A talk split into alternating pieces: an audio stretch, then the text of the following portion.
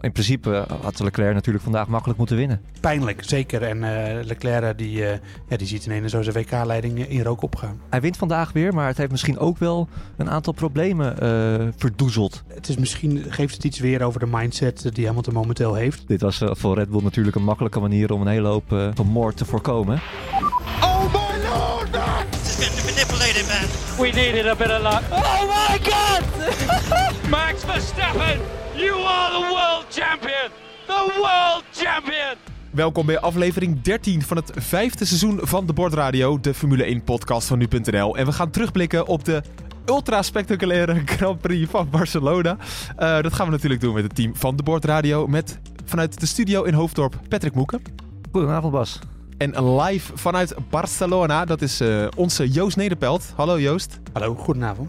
Ja, ik, uh, ik hoorde dat het heel druk was daar. Heel veel Nederlandse fans ook. Heb je dat ook een beetje zo ervaren daar, Joost? Ja, zeker weten. Als je hier uh, langs de parkeerplaatsen rijdt en ook al, alleen nog bij mij in mijn hotel, uh, s ochtends was de voertaal bij het ontbijt al redelijk Nederlands. Hoop oranje shirtjes, hoop gebrul, zeker op de terugweg. Dronken gelal in het Nederlands, dat klinkt altijd goed. Uh, mensen hadden volgens mij hartstikke mooie dag gehad, ondanks dat uh, we zitten bak in de zon. Dus uh, ja, echt een Nederlands dagje hier in Spanje. Ja, mooi. Nou, daar gaan we het zo meteen nog even over hebben. Ook onder andere over de warme temperaturen. Hoop in Toen is er trouwens niet bij, want wij nemen dit op op zondagavond. Het is bijna tien uur. Dus ja, dan is Hoop in vol aan het slapen. Ja, wel maandagochtend een fraaie analyse op NuPlus. Zeker. Hoop in. Ik ga morgenochtend weer met hem bellen, dus uh, ja, als je zijn, terecht. Als je zijn mening wil horen, dan kan het natuurlijk op het Nu Plus blokje op nu.nl.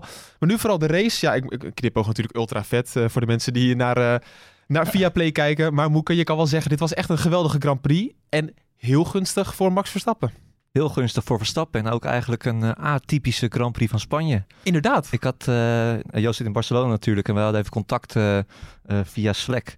Uh, over wat, wat we nou verwachten. Hè. Ik, ik zeg eigenlijk tegen Joost, ik, eigenlijk ben ik altijd enthousiast. Ja. Maar ik had nu zoiets van, nou, we gaan een saaie middag tegemoet. Hè. Het was allemaal wel vrij duidelijk uh, hoe het zou gaan lopen. Uh, maar ja, dat... Je bedoelt eigenlijk in de beginfase van de race, hè? Nou ja, van tevoren eigenlijk nog. Ja. Gewoon, mijn verwachtingen waren niet zo hoog. Spanje toch moeilijk inhalen. Hoeveel spectaculaire races hebben we nou gezien de laatste jaren hier? Weinig. Zeker. Zo, zo eerlijk moeten we zijn. En uh, dus ik dacht eigenlijk van, nou ja, het wordt misschien een uh, saaie middag een keertje hm. voor de verandering. Maar dat, uh, nee, dat, dat viel behoorlijk mee. Het was, het was chaos.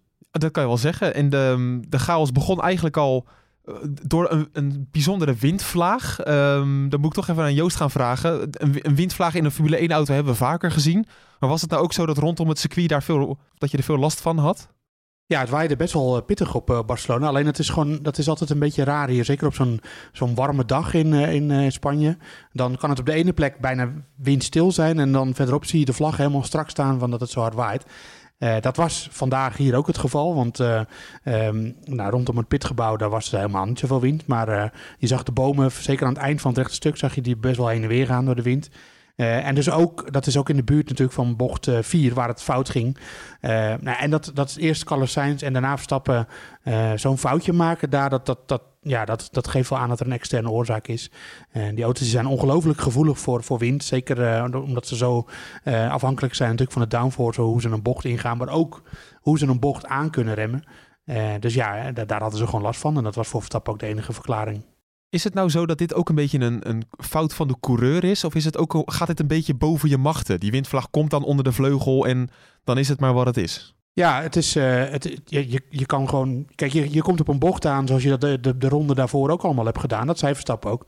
Ik remde niet later. Ik, ik ging niet harder de bocht in. Uh, alleen nu uh, ja, was het ten ene, was het, brak een de achterkant uit en toen moest hij corrigeren.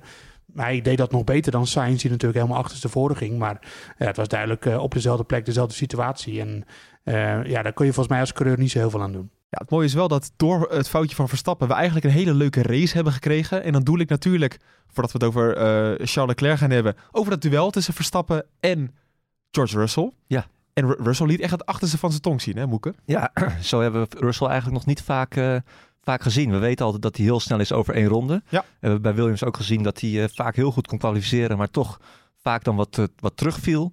Uh, ja, hoe goed kan Russell knokken in de Formule 2? Hebben we dat ook wel vaak gezien. Uh, maar nu toch wel niet echt zo tegen Verstappen, tegen de wereldtop. En Russell, ja, die, die voor mij echt een van de rijders van de beginfase van dit seizoen. overklast Hamilton misschien wel. Hè? Staat ver voor in het kampioenschap. Kan je zeggen? Was weer sneller in de kwalificatie. Uh, ja, echt boven verwachting. En ook zo'n gevecht met Verstappen. Ik vond het eigenlijk ook jammer dat dan de wedstrijdleiding het nog noted had. Hè? Dat, dat, ze toch nog eventjes naar gingen kijken. Want volgens mij was dit gewoon een gevecht uit het boekje. Precies zoals je wil. Ja, het feit dat ze dit gaan onderzoeken, dat is al een slecht teken. Hè? Nou ja, dat... niet te onderzoeken, want ze hadden het alleen genoteerd. Ja, oké, maar, ja, ook maar, dat was maar, maar dat, dat, was, ja, dat was eigenlijk gewoon uh, onnodig, vond ik. Het was het, dit moet je juist aanmoedigen. Je moet die jongens, je moet gevechten, moet, je, je moet, laat nou zoveel mogelijk toe. Want anders dan zie je dit gewoon niet. En zeker niet in Barcelona, waar het al moeilijk is om elkaar in te halen. Ja. Nee, het was geweldig. Ja, want eigenlijk zag je bij die inhaalactie van Verstappen op, op Russell dat hij er voorbij was. Hij had de binnenkant, alles ging goed. Maar Russell die, die was zo laat op de rem getrapt dat hij er gewoon nog naast kon zitten. Ja, hij kon er gewoon nog naast. Uh, haalde Verstappen eigenlijk gewoon weer in. Uh, Verstappen die hem dan ook wel weer gewoon laat staan in bocht 3. Maar ja, dan zit je aan de buitenkant, gaat je ook niet lukken. Uh, nee, ja, meer van dit. Graag. Geweldig. Ja, ja en dit is leuk, want uh, sowieso, daar gaan we het zo meteen ook nog even over hebben, dat Mercedes weer bij, bij de groep zit. Dat zorgt ervoor dat je dit soort situaties weer kan krijgen. En dat het niet alleen maar tussen Leclerc en Verstappen gaat. Um, maar het grote probleem, en dan moet ik toch even naar Joost kijken, want jij bent op onderzoek uitgegaan. Dat DRS-probleem van Verstappen maakte het hem heel erg lastig. Want de snelheid zat echt wel in de Red Bull. Maar die DRS had hij wel nodig, hè? En die, uh, en die deed het dus niet. Nee, het was, uh, het was zo dat dit, de, de Mercedes was, uh, zeker die van Hamilton, maar, maar Russell die had ook gewoon een hogere topsnelheid dan de, dan de Red Bull. Dat zag je ook op de kaartjes waar nou wie de meeste tijd won. Nou, de Mercedes was duidelijk de snelste op de rechte stukken. En ehm, ja, dus voor Verstappen zonder DRS was het eigenlijk gewoon onmogelijk. En ik, je, kon ook nog wel zien dat hij kwam steeds wel dicht in de buurt. Soms ging zijn DRS dan ook wel een klein beetje open. Um, maar dat kon Russell heel makkelijk verdedigen in bocht 1 elke keer. En ja, tot die ene keer dan. Uh, en uh, daar nog even op, op voort, voortbedurend. Het was wel grappig wat de, de, de Russell en Verstappen... die zaten er nog een beetje over te keuvelen na afloop... Tijdens de persconferentie. En die, ja, die hadden duidelijk wel genoten van het, van het moment. En Verstappen zei ook dat hij blij was dat, dat Russell geen, ja, geen onderzoek aan zijn broek kreeg of zo. Voordat hij zei, ja, bedoel, iemand aan de buitenkant laten hangen... dat hoort er gewoon bij en dat doen wij coureurs. En hij had waarschijnlijk hetzelfde gedaan, zei Verstappen. Dus... Uh, en dat was natuurlijk gewoon het, uh, een mooi gevecht. En ja, hoe dat met de DRS zat, ja, dat uh, Helmut Marco die zei er uiteindelijk achteraf over dat het ook te maken zou kunnen hebben met het feit dat Verstappen een wat, van die van die lichtere onderdelen had. Dat dit dus een nieuw onderdeel had, dat dus niet op de auto van Perez zat, waardoor Perez er dus geen last van had.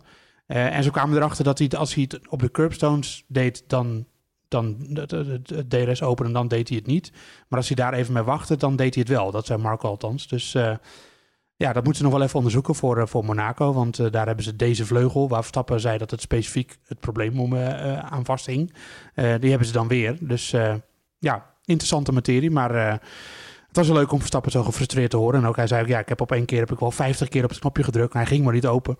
En wat dat was het eigenlijk wel een frustrerende middag natuurlijk voor Verstappen. En dat was het waarschijnlijk gebleven als Leclerc niet uit was gevallen. Maar nu uh, komt het allemaal nog goed. Ja, eigenlijk is dat het enige zwakke punt ook nog hè, van, die, uh, van die RB18. Uh, de betrouwbaarheid. We hebben Verstappen natuurlijk al een paar keer langs de kant zien staan. Nu dit weer. Ja, hij wint vandaag weer, maar het heeft misschien ook wel een aantal problemen verdoezeld. Dit, want voor hetzelfde geld had hij hier de race niet doorgewonnen. En dan, ja, dan, uh, dan ben je verder van huis natuurlijk. Ja, stel je voor, je hebt inderdaad een race waar een één-stopstrategie gewoon het sterkst is. Ja, dan, dan blijf je voor, voor eeuwig misschien wel klem zitten. Ja, en het was terecht ook dat Verstappen zo gefrustreerd was. Want ja, dit, uh, dit mag eigenlijk gewoon niet gebeuren bij een, uh, bij een topteam. Nee, maar goed, Verstappen was wel heel erg in de klaagmodus, zoals we dat bij Lewis Hamilton ook vaak zien. Jawel, maar ik, maar het, is, het is toch eigenlijk ook wel logisch. Nee, en terecht. Ja. Want je ziet hoe, hoe een groot verschil dat maakt. In de kwalificatie had hij er ook al last van. Ja. En toen zei hij van ja, ik kom vermogen tekort. Toen dacht hij dat er was wat mis, mis was met zijn motor. Ja, maar ik hoorde hem dan aan het einde van de race zeggen van uh, amazing team, uh, ja, alles was geweldig natuurlijk. Dat hoort er ook wel een beetje bij, hè, ja, ja, ja, vind ik ook wel weer grappig. Ja, misschien wel. Ja. Ja. ja. eerst zo klagen van we kunnen nog ineens DRS fixen. Ja. En, daarna was het team geweldig. Ja, nee, hij hoort er allemaal bij. Ja, mooi. Ik zou, hij doet een Hamiltontje, want Hamilton deed in de race een Hamiltontje. Want dat is een bizar moment. Uh, dat hij, hij, nou natuurlijk, hij werd eraf getikt. Of tenminste, hij tikte Magnussen eraf. Wat vond jij eigenlijk, Moeke? 50-50? Uh, 50-50, ja. Ik vond dat Magnussen die zei van ja, hij wist, uh, hij wist wat hij deed, hè, zei hij. Ja. Nou, vond ik ook weer niet helemaal terecht. Uh, want ja, het was ook voor. hij had er zelf ook heel veel last van, Lewis. Die had ook gewoon een, een lekker band. Vergooide eigenlijk ze, in ieder geval een podium, de kans op een podiumplek daar. Ja.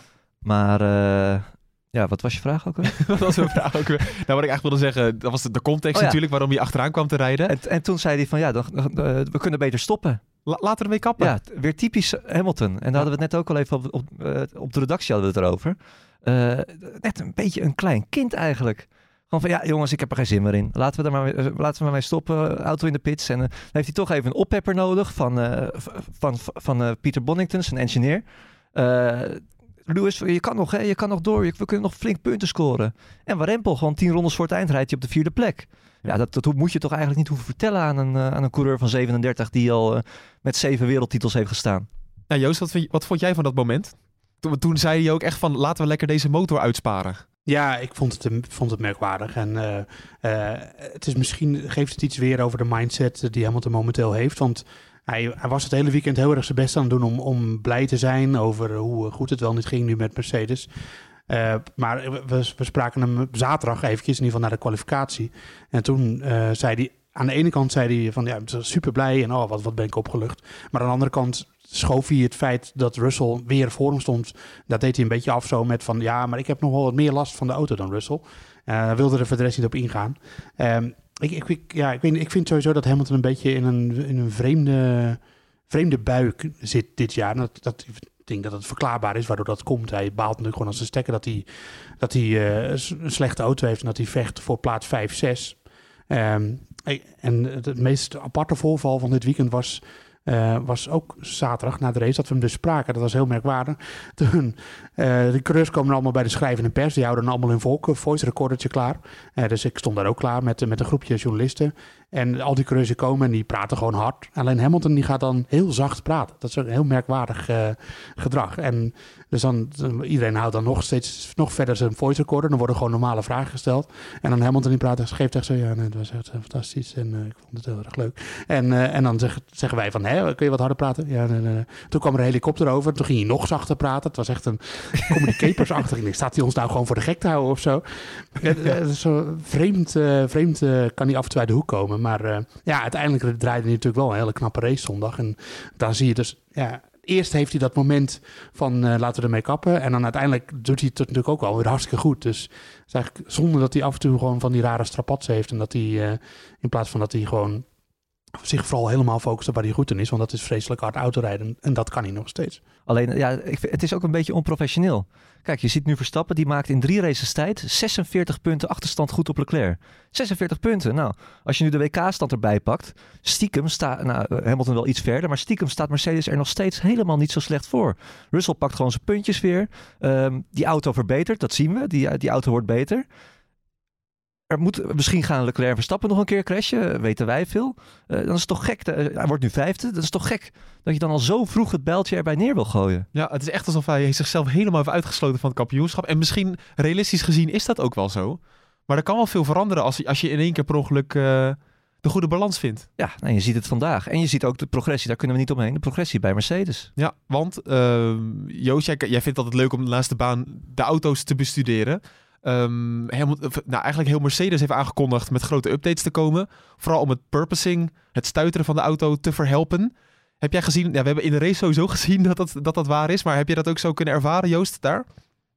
Eh, ja, nou, ik, ik, eh, hij, hij doet het minder en hij doet het ook minder agressief. Ik weet nog dat wij ehm, in Imola de, op de, eh, langs het rechtstuk stonden. Ja. Daar kon je het heel goed zien hoe agressief die auto's stuiteren. Eh, dat doet hij nu niet meer. Maar hij stuitert nog wel. Maar hij doet het nu eigenlijk een beetje, ja, een beetje zoals de Ferrari het doet. De Ferrari die stuitert, maar die lijkt er uiteindelijk niet zo heel veel last van te hebben. Ehm, en en ik denk dat ze de Mercedes nu eh, lager hebben af kunnen stellen. En hij stuitert hij nog wel, maar dat, ze kunnen gewoon lager en dan stuitert hij. In plaats van dat ze, weet ik wel, een centimeter hoger reden en dat hij dan stuiterde. Dus eh, ja, ze kunnen gewoon wat meer, zich wat meer veroorloven. Hij- Hamilton die zei wel, ja, ik heb er in bocht 3, dat is die hele lange doordraaier, nog last van.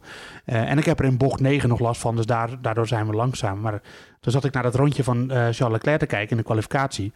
Op die punten stuitte die Ferrari ook nog als een gek. Dus eh, ik denk dat je die auto's nu een beetje met elkaar kunt vergelijken. Ze porpoisen nog wel, maar ehm, ze kunnen evengoed de vloer zo, zodanig laag afstellen dat ze, dat ze gewoon snel zijn. En eh, ja, als dit eh, zo, zo doorzet bij Mercedes, dan gaan die de komende tijd heel vaak meedoen om de podiumplaatsen, denk ik zomaar. Ja, want eigenlijk we waren een beetje kritisch op Hamilton, maar meer rondom zijn uitspraken. Maar als je naar zijn race zelf kijkt, heeft hij het echt waanzinnig goed gedaan.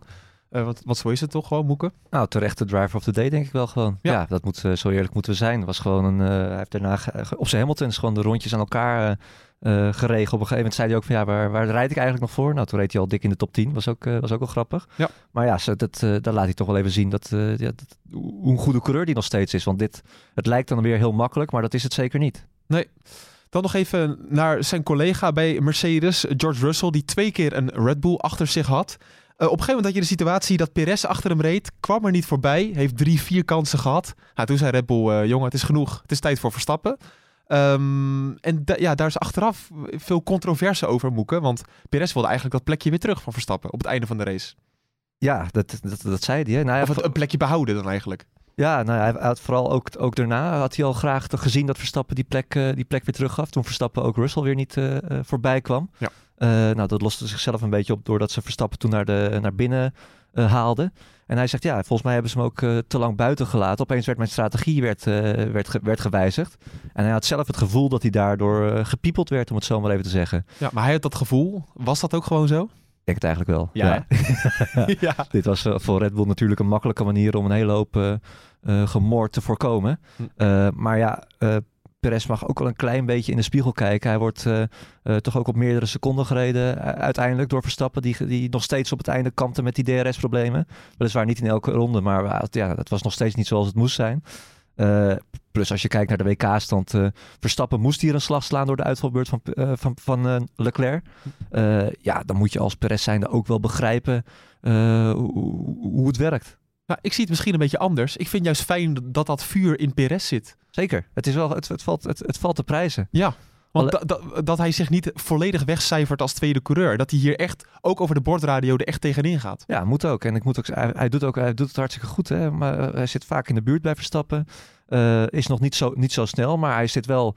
De Bottas-rol heeft hij eigenlijk helemaal voor zich ingenomen. Want je kijkt ook naar Sainz. Die laat het nu gewoon liggen. Die had er eigenlijk vandaag moeten staan voor Ferrari, maar die is er niet. Hm. Uh, nee, het valt inderdaad de prijs. Alleen ja, bij Red Bull moeten ze daar misschien ook iets duidelijker in zijn. Dat hij wel weet hoe de hazen lopen. Ja, Joost, jij hebt alle hoofdrolspelers gesproken daar. Was er na afloop van de race nog steeds een beetje ja, discussie erover? Of kon iedereen wel gewoon prima leven met dat 1-2'tje van Red Bull? Ja, Verstappen kon er in ieder geval zeker mee leven. Dat, dat was duidelijk. Uh, uh, Perez, ja, die zag toch wel een beetje... Um, ik noem dat, denk ik maar graag gewoon de Bottas-blik. Uh, toch een beetje gedesillusioneerd dat hij weer aan de kant moest. Uh, uh, dat zag je bij Bottas vaak. Nou is dat bij Perez natuurlijk nog niet heel vaak volgekomen. ik dacht dat hij, ja, die dacht vandaag echt dat hij, dat hij kon winnen. En hij zat naast Verstappen bij de persconferentie. Ze zaten trouwens vrolijk met elkaar te keuvelen. Dus er was geen haat en tussen die twee. maar vooral dat ze gingen zitten, toen zag ik toch een beetje een soort van een lege blik bij Perez. Zo van, ja, het is dus toch echt zo. Elke keer als de kans voordoe, dan, dan moet ik aan de kant. En uh, ik denk dat hij dat vandaag zo ervaren heeft. Dus, uh, maar ja, uh, als, als je de geschiedenis van Red Bull een beetje kent en nog met Vettel en Webber en met Verstappen en al zijn andere teamgenoten, dan weet je dat het daar gewoon zo werkt. en ik denk dat dat... Nou ja, als je het kijkt naar het, naar het kampioenschap, dat dat, dat dat niet meer normaal is. En uh, Verstappen presteerde vandaag ook goed genoeg zelf om te winnen natuurlijk. Laten we dat niet vergeten. Dus het is niet zo dat hij de zegen uh, cadeau heeft gekregen. Nee, en ik denk ook dat ze bij ieder ander team zouden ze hetzelfde hebben gedaan. Red Bull was echt oliedom geweest als, uh, als, als ze in de situatie hadden gezeten op het laatst dat Perez nog met hand en tand zou gaan verdedigen. Uh, en Verstappen kwam er niet voorbij dat ze Perez dan zouden laten winnen. Al denk ik, als Verstappen gewoon DRS had, had gehad op het laatst, dat hij ook als het een gevecht was geworden, dat, dat hij Perez wel had ingehaald. Want die snelheid had hij gewoon. Ja, als Red Bull had gezegd van ga maar tegen elkaar racen. Precies, ja. En, uh, ja. Maar aan de andere kant, ja, dan uh, toch een beetje die controverse daaromheen. Terwijl ik ook zou denken van Perez, hij snapt toch ook wel de situatie. Dat Verstappen nu zo... Ja, het gaat om zeven punten van plek 1 en 2. Dat is enorm veel. Ja, en zeker als je, als je al... Ja, het gaat nu om de leiding in het kampioenschap. Dat is waar, anders was Verstappen niet de leider geweest. Ja, precies. Daar hebben we nog niet over gehad, maar hij is natuurlijk de leider in de WK-stand. Ja, bizar. Maar nee, dat, uh, om aan te geven hoe, hoe, belangrijk die punten zijn. Nu, ja. maar ook op het einde van de rit. Ja, um, zullen we eens even luisteren wat wij, uh, uh, wat is het, drie weken geleden? Nou nee, wat is het, vier weken geleden zeiden, Moeken? Start er maar in. Ja, maar dit is wat wij zeiden na de Grand Prix van Australië toen Verstappen voor de tweede keer dit seizoen uit was gevallen. Kunnen de slingers al opgehangen worden bij Ferrari? Nou, we grapten hier net op de redactie van uh, we moeten maar gaan uitrekenen waar Leclerc al kampioen kan worden. Want uh, ja, zo gaat het wel heel hard. Ja. Ja, Moeke, ja, het is even een klein fragmentje uit die uitzending van toen, maar uh, dat was wel een beetje de stemming. 46 punten was toen het verschil naar Australië. Ja, maar dat, dat is ook een voorschat. En uh, degene die weet wanneer zo'n gat ooit overbrugd is in een Formule 1 seizoen, die mag het zeggen. Dus het was uh, niet meer dan logisch dat we dat zeiden. Ik had ook met geen mogelijkheid rekening gehouden dat Verstappen drie races later ja. al met een voorsprong van zeven punten aan de leiding van het kampioenschap zou staan. Dat, ja, dat is bizar eigenlijk. Ja, het geluk zit wel aan de, hangt aan de broek van Verstappen. Want uh, natuurlijk was het een enorme fout van Leclerc in Imola. Maar goed, het moet ook maar gebeuren. Ja, en dat, dat hij betrouw, dat hij vandaag ook stuk gaat. Ja, Precies. Want in principe had Leclerc natuurlijk vandaag makkelijk moeten winnen.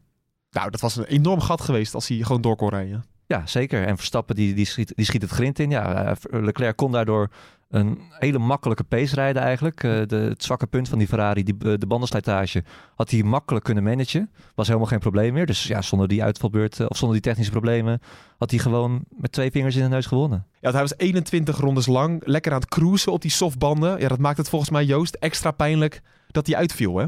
Ja, tuurlijk. De, de, deze race komt. Ik twitterde op een gegeven moment zelfs van. Uh, uh, alleen een beetje wind kan, uh, kan dit nog voor Leclerc nog. nog de, de zege om zeep helpen. En uh, nou ja, dat, bleek dan uiteindelijk toch een technisch probleem. Was geen bewuste jinx overigens. Um, maar ja, dat was extra pijnlijk. Want ja, het, het, is natuurlijk, het was een beetje een rommelige aanloop voor uh, Leclerc. Ook met die kwalificatie waarin hij nog spinde. Um, het was een rommelig natuurlijk vanuit Ferrari kant. Omdat dat Sainz uh, zo in de problemen zat. Slechte start weer van Sainz. En een en daarna natuurlijk die, uh, dat uitstapje naast de baan. Uh, maar bij Leclerc ging alles perfect en profiteerde volop van de nieuwe auto. Die volgens Verstappen toch al, of de nieuwe auto, in ieder geval de verbeterde auto, die volgens Verstappen toch echt wel een stapje heeft gemaakt.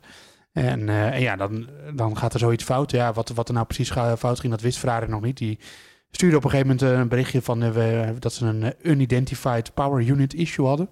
Dat kan van alles zijn. dus, maar ja pijnlijk, zeker. En uh, Leclerc die, uh, ja, die ziet ineens zo zijn WK-leiding in rook opgaan.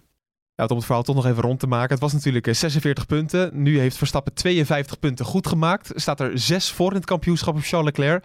Maar het is wel nog een beetje zo, ondanks dat Red Bull ook in de constructeurstitel nu voorop staat. Ja, het is vertekend een beetje. De probleem, het, gaat niet allemaal van een leien dakje bij Red Bull. Nee, dat is het inderdaad. En, Ferrari heeft wel nog steeds de hogere snelheid in vergelijking met de Red Bull. Nou, zeker over één ronde. Want als we kijken naar de kwalificatie, dan staat Leclerc er drie bijna vier tiende los van. Ja. En dan moet, moeten we zeggen dat Verstappen DRS-problemen had.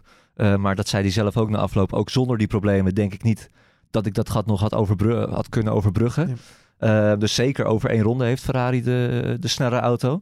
Misschien is dat gat volgende week in Monaco nog wel iets groter. Een baan waar we toch... Uh, nou ja, het is wel iets korter, maar ik, ik, denk dat Ferrari en ook Mercedes daar heel sterk gaan zijn. Dus uh, nee, er is nog genoeg werk uh, aan de winkel voor, uh, voor Red Bull. En ik denk ook dat Verstappen, dat weet Joost misschien wel, want die heeft hem nog gesproken.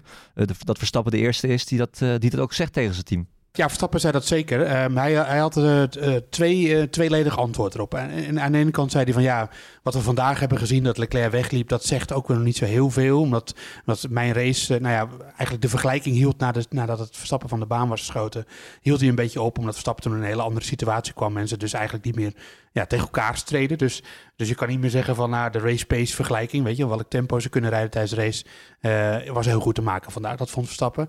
tegelijkertijd ja, zei hij eigenlijk zei dat zaterdag na de kwalificatie al van ja, eh, we hebben gezien dat, dat Ferrari de auto dat natuurlijk verbetering heeft aan de auto. Een nieuwe vloer, nieuwe achtervleugel, iets aangepaste sidepods.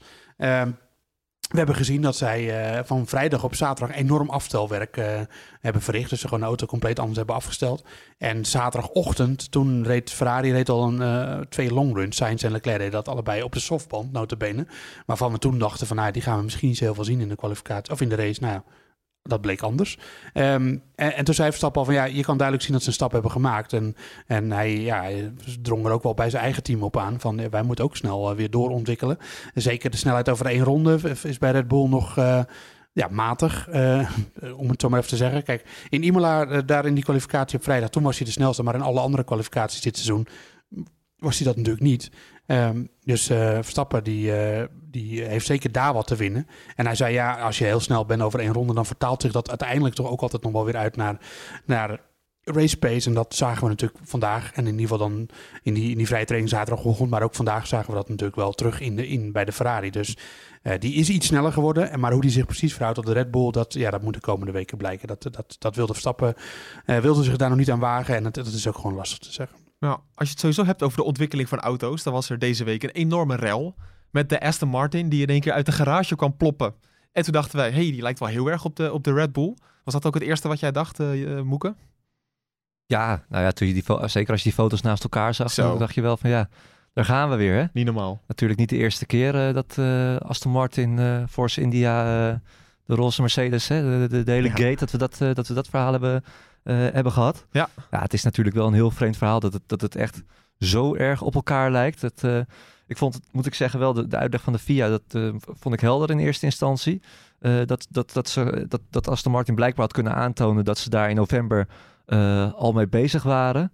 Vervolgens hoor je Red Bull weer met een, een beetje een vaag verhaal.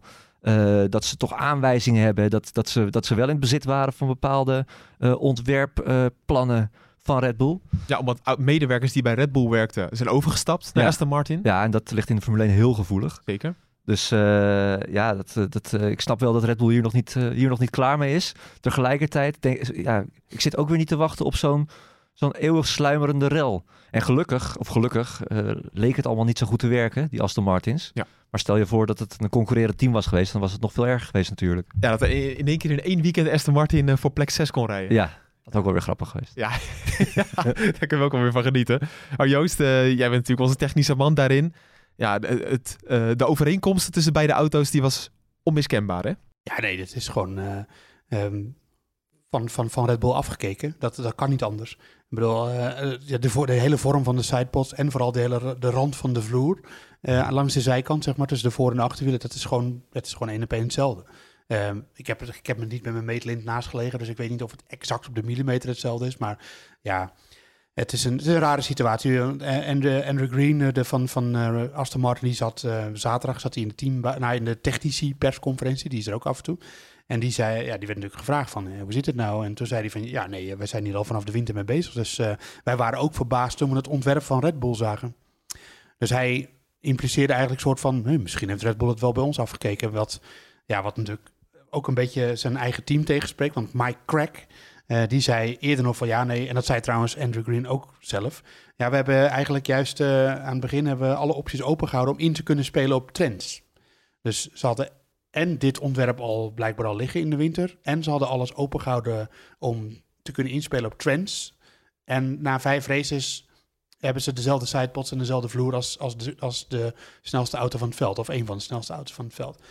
Uh, daar klopt iets natuurlijk niet in dat verhaal. Dus uh, ja, hoe het precies zit, uh, dat, dat is erg lastig. En ik denk dat het voor de FIA en ook voor Red Bull heel erg lastig wordt om aan te tonen uh, dat er iets fout is gegaan. En wat zou er dan moeten zijn? Nou, dat zou echt moeten zijn dat er, dat er data, of tenminste CAD-tekeningen of ontwerptekeningen zijn, ja, zijn, zijn van, de, van de servers van Red Bull zijn gehaald en dat die bij Aston Martin terecht zijn gekomen.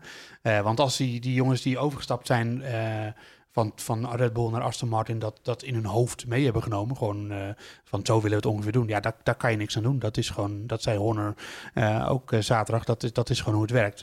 mensen nemen hun ideeën mee, maar ze moeten niet letterlijk ontwerpen meenemen. En nou, ja, zin speelde Helmoet Marco erop dat ze toch wel informatie hadden inderdaad dat er iets was gedownload. Maar of dat dan ook bij Aston Martin terecht was gekomen, dat, dat zei hij er niet letterlijk bij. Um, ja, het is, het is, aan de ene kant wel een, wel een vrij spionageverhaal. Aan de andere kant, uh, het, het straalt natuurlijk wel weer heel slecht af op Aston Martin dit. Dat je eerst een complete auto van een concurrerend team namaakt. Of nabouwt, of uh, hoe dat ook gegaan is. En, en dan nu dit weer. Ik zou er als technische afdeling van Aston Martin in ieder geval niet trots op zijn. Ja, ik, ik, denk eigenlijk dat het allemaal niet zoveel uitmaakt als Aston Martin slecht blijft presteren. Ja, zeker. Stel, ze gaan wel opeens meedoen straks, dan gaat het natuurlijk nog een veel grotere rel worden. Maar Red Bull zal ook wel bij zichzelf denken van ja, uh, we zien die jongens uh, tussen plekken 10 en 15 rijden. Wat maakt ons het ook uit? Ja, Vettel P11, uh, Stroll P15. Ik denk niet dat, uh, dat, uh, dat, het Aston Martin, dat het Red Bull niks uitmaakt als Aston Martin achteraan, achteraan blijft rijden. Als er daadwerkelijk uh, diefstal van intellectueel eigendom is, dus de bouwtekeningen van die sidepods, dan, ook al rijden ze achteraan, dan, dan is degene die daar verantwoordelijk voor zijn, die zijn gewoon strafbaar. Dus uh, dat, dat, daar gaat Red Bull dan zeker niet bij laten zitten. En, en ik denk trouwens ook dat je niet moet beoordelen op één race of dat nou goed uitgepakt heeft, die, uh, die aanpassing aan de Aston Martin. Geef ze een paar races en dan denk ik dat ze zomaar eens wel eens naar voren kunnen kruipen. Nou, wil ik nog even over twee coureurs hebben voordat wij zo meteen naar het GP-spel gaan. Dat is Alonso, die gewoon even vanaf P20 naar P9 rijdt. Zegt ook wel wat over hoe goed de Alpine is. Want we zagen ook Ocon scheuren over dat circuit. Het zit wel nog steeds goed met, met die snelheid daar. Ja, maar vooral in de race dan ook. Want in de kwalificatie kwam hij natuurlijk niet naar voren. Ja. En uh, nee, ja, typisch Alonso. Gewoon, ik, ben, uh, ik, ik vind het nog steeds eeuwig zonde dat we, dat we Alonso niet in een van die topauto's hebben. Jammer hè? Het is een geweldige character. Uh, goed voor de sport. Een waanzinnige racer nog steeds, ondanks zijn leeftijd. Hm. Ja, geeft die man een goede auto, zou ja. ik haast zeggen. Ja. Ja, ja, hij voelt zich wel heel erg competitief in deze auto. En kan ook naar P9 rijden. Ook al hebben we dat weinig trouwens in beeld gezien. Maar dat is, dat is toch wel heel erg knap. En Norris, uh, die was ziek. Die zagen ook van tevoren, hebben, heeft hij moeten overgeven. Ja, dat zag er niet prettig uit. Nee. En wat had hij nou uiteindelijk? Ontstoken amandelen. Oké. Okay. Ja. En dan zou je denken, die bakt er helemaal niks van dit weekend. Nee, maar hij heeft uh, gewoon naar een achtste plek gereden. ja. Nog eventjes voorbij zijn teamgenoot. Ja. Ja, het, ik, ik vind het, ik vind het heel goed Norris. Maar ik vind dat Ricciardo, die mag zich toch langzamerhand toch echt wel een klein beetje gaan schamen hoor. P12. P12, ja. En uh, die auto is volgens mij ook veel updates meegenomen, McLaren. Uh, Norris die zei zelf na afloop van ja, er zit nog veel meer in deze auto. Ik heb uh, bijna geen, geen teambespreking gehad dit weekend. Ik, ik weet nog helemaal niet wat ik aan het doen ben. nou, zo zei hij dan niet, maar daar kwam het wel een klein beetje op neer. en dan moet, moet je als Ricciardo natuurlijk de leiding nemen in, in zo'n weekend. Ja, dat doet hij niet. Hm. Dus ja, ik denk dat Ricciardo toch een beetje aan het knokken is voor voor een nieuw contract bij McLaren en misschien wel een nieuw contract in de Formule 1. Nou, precies, want uh, hij over, blijft maar niet overtuigen. En als je zelfs niet van een, van een Norris kan winnen met uh, ontstoken amandelen, ja, dan, dan houdt het op. Ja, ja ook al uh, nam ze, Seidel nam hem wel een klein beetje in bescherming door te zeggen van ja, zijn achterkant reageerde heel raar. Hij had weinig grip als hij wilde gaan aanzetten. Ja, ik weet het niet. Ja, nou eerst gewoon je team. Kijk, natuurlijk, dat kan over een heel seizoen echt wel een rol spelen. Maar dan moet je wel gewoon je teammaat verslaan. Ja, oh ja en als je, als je ook weet dat, dat hij op een normale dag wel gewoon snel is. Alleen dat hebben we gewoon eigenlijk, als we eerlijk zijn, niet gezien bij Ricciardo in zijn McLaren-tijd. Het valt toch een beetje tegen. Op die ene overwinning in uh, Italië na natuurlijk. Ja, precies. Ja, dat is ook weer zo. Joost, heb je nog uh, bij de hoofdrolspelers gesproken daar bij McLaren? Uh, alleen Ricciardo. want Norris die, die was niet te zien in de, de, de, de pen, zoals dat heet. Ja. Um, Ricciardo, jullie hadden het net over contract. En dat was wel grappig, want um, um, hij stond met, een groepje waar ik dus bij stond uh, te praten. En toen vroeg iemand aan hem van, ja, hoe, hoe, hoe, zit je eigenlijk... Uh, hoe zit je eigenlijk met je contract bij, bij, bij McLaren? Maak je je daar zorgen om? Zei hij, nou ja, daar gaan we, daar gaan we tegen de zomer of na de zomer gaan we daar wel eens over praten. Dus ja, dan, dan zal dat vast wel weer te sprake komen. En toen uh, zei iemand anders, hè, maar je hebt toch nog een contract tot en met 2023? Zei hij, oh ja. Oh ja, oh, ja. ja. Nee, dat is ook zo. Oh, ja. Nou, dan, dan ga ik er uh, de volgende zomer, tegen de volgende zomer, ga ik er wel over praten. Nou, voor de rest le leek hij eigenlijk heel erg relaxed. En uh, ik had niet de indruk dat hij slecht in zijn vel zat. Maar ja, verder ben ik het helemaal met jullie eens. Ricciardo die presteert gewoon matig. En dan wordt elke keer afgetroefd door Norris. Uh, Norris die voor de, voor de race op de, bij de Drivers Parade nog voor, in, uh, voor op de vrachtwagen zat met een onder een paraplu. Omdat hij gewoon ja, bevangen was door de hitte en het echt slecht had. En die stapt daarna in de auto en, en Ricciardo kan hem weer niet bijhouden. Dat, ja, dat is gewoon slecht. Dus Colton Hurta. Colton Hurta heb ik vorige week op, in, in, in, op Indianapolis, op de, de, de road course, daar een fantastische race in rijden. Ja. Um, ja, die klopt toch wel een beetje aan de, op de deur daar. Ik zou toch wel uh, aan de ene kant Ricciardo natuurlijk ontzettend missen. Uh, want het is gewoon uh, ook een character en echt een, iemand die je er graag bij hebt. Maar aan de andere kant, ja, vers bloed kan misschien geen kwaad daar. Nee, Colton Hurta is ook Amerikaan. Dus dat is voor McLaren, uh, nou, gewoon voor de hele markt van Amerika, super interessant om hem in de Formule 1 te krijgen. Mega getalenteerd. dus we gaan het al meemaken. Misschien dat hij wel op pole position staat bij de kwalificatie van de Indy 500. Die is nu bezig. Weten de mensen wel als ze dit luisteren natuurlijk. Ja, dat weet, ja, precies. Wij weten het nog niet. Maar Nee. wel spannend om daarover te speculeren. Dan nog één dingetje. één coureur nog. Dat is eh, Nick de Vries. Je zou het haast vergeten. eh, ja, inderdaad. Niet meer heel relevant meer natuurlijk. Maar wel interessant dat hij toch wel gelijk sneller was dan Latifi. En dat wilden we zien. Nou, Nick heeft volgens mij alles gedaan wat hij moest doen. Ja. Gewoon in hoeverre je indruk kunt maken. Dit, dit is per- perfect.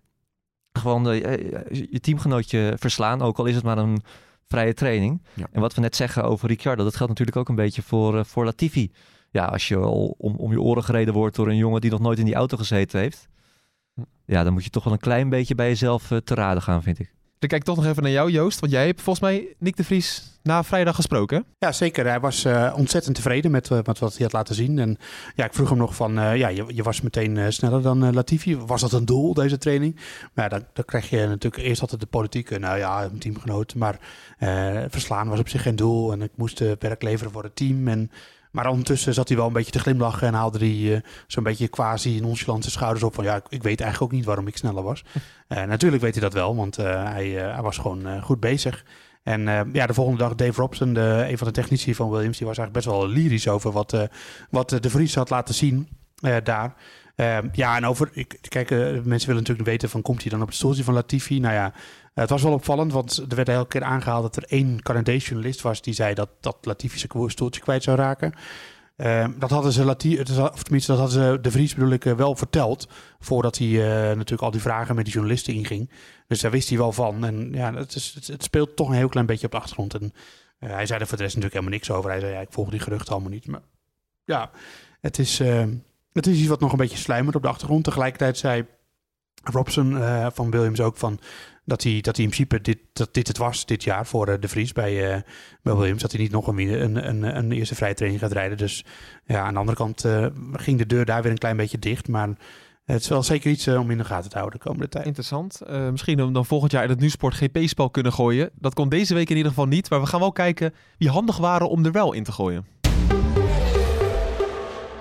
Ja, want de mensen die gokten dat Leclerc het verkeerd zou doen, Moeken, die zijn spekkoper, hè? Die zijn spekkoper. Dat waren er niet veel, maar iemand die dat wel was, was Gerbrand Berenschot. Ja. Ja, want in ons GP-spel eh, Leclerc en Sainz zijn allebei even duur. Ja. Of allebei even goedkoop. Dus 9 van de 10 keer zou je voor Leclerc gaan, denk je. Maar door die uitvalbeurt was Sa- Sainz gewoon de betere keus dit weekend. ja. Is het dan een kenner of niet? Ik ben er nog steeds niet over uit. Ja, jij vindt, eh, ik, eh, ik proef al een beetje. Ja, ik zag zijn top 3, daar heeft hij dan Leclerc niet in. Dus dan, dan gok je dat hij uitvalt. Ja, Want hij was het hele weekend de snelste. ja, nee, ja je, kan- je kan ook denken van eh Sainz, thuisrijder, die gaat even boven zichzelf uitstijgen. maar Maar hij- waarschijnlijk heeft hij zo gedacht. Maar hij heeft Russell dan op 3 gezet. Ja, ik, ik vind het toch? interessant. Ja, nee, het klopt allemaal wel. Ja, nee, tuurlijk, hij heeft gelijk. Ja, nee, hartstikke goed. Maar ik eh, vind het toch... Ja, nee, ja, oké. Ja, chapeau, chapeau. Ja. Ehm, vier mensen op de tweede plek. Toch even een eervolle vermelding voor Dutch Viking, Robert Beijer, Frixer en Jaap Snoep. Jaap Snoep, Ja, lekker man. Ehm, kleine, oh, hoe hebben wij het gedaan? Voor we het vergeten natuurlijk, moeten we ook altijd even noemen. Eh, ik wil ook een goede, goede, goede, goede week. Ik zag jou in de top 50 staan. Plaats 37. Nee joh, Ja, 37. hoe kan dat Dat ga nou? ik niet meer overtreffen. Ja, geen. Kennisbas natuurlijk. En je had Russell op 3 op het podium, hè? ja, dat heeft eh 10 punten opgeleverd. Want ik had 10 punten meer dan, eh, dan jij. Precies. En daarmee sta je op eh, plaats drie- 253. Ja. En ik weet niet wat er met Joost aan de hand was dit weekend, maar die vinden we terug op plaats 494. Ik vind dat... Vergeten in te vullen. Oh, hij was het vergeten in te vullen, hoor ik, eh, hoor ik al. Druk, druk, druk, druk. Ja, maar ja, belachelijk. Schandalig, onprofessioneel. Klopt. Nou ja, maar eerlijk, eerlijk is eerlijk. Heeft, eh, mag ook. Ja. Blik op het algemeen klassement. Eh, Max van der Stap staat nog altijd bovenaan. nee joh, Max Ja, van der Stap. ja. de vader van, eh, of nee, dat is de zoon van, eh, van Jos van der Stap. Ja, Die doet ook mee, toch? Ja, ja, zeker. Die doet ook mee. Ja, ja. Ik weet niet hoeveelste hij staat, maar hij staat gedeeld eerste, want nieuwe naam Jeroen Heijmans. Allebei hebben ze 606 punten. En op plaats 3 staat nog altijd Jos de Bos 82. Geweldig. Ja. Ja, een beetje dezelfde mensen in, in de bovenste Ja, regionen. terwijl het toch heel dicht bij elkaar zit. Eh, Bas, jij bent nog steeds het beste van ons drie. Plaats 134. Doe ik het voor. Ik op plaats 197 en Joost op plaats 225. Jongen, jongen. Joost, volgende keer gewoon weer invullen, hè, die handel. Kom op even. Komt goed. Komt goed. Ehm, we gaan natuurlijk ook een beetje... We gaan nog eh, komende week vooruitblikken op de Grand Prix van Monaco. Maar één kleine spoiler alvast. Ja, Moeke, vertel, want jij, jij hebt nieuws. ik heb nieuws. Ja. Ja, jullie gaan erheen, maar hebben jullie wel een regenpak meegenomen? Nee, dat heb ik niet nog. Wat dan?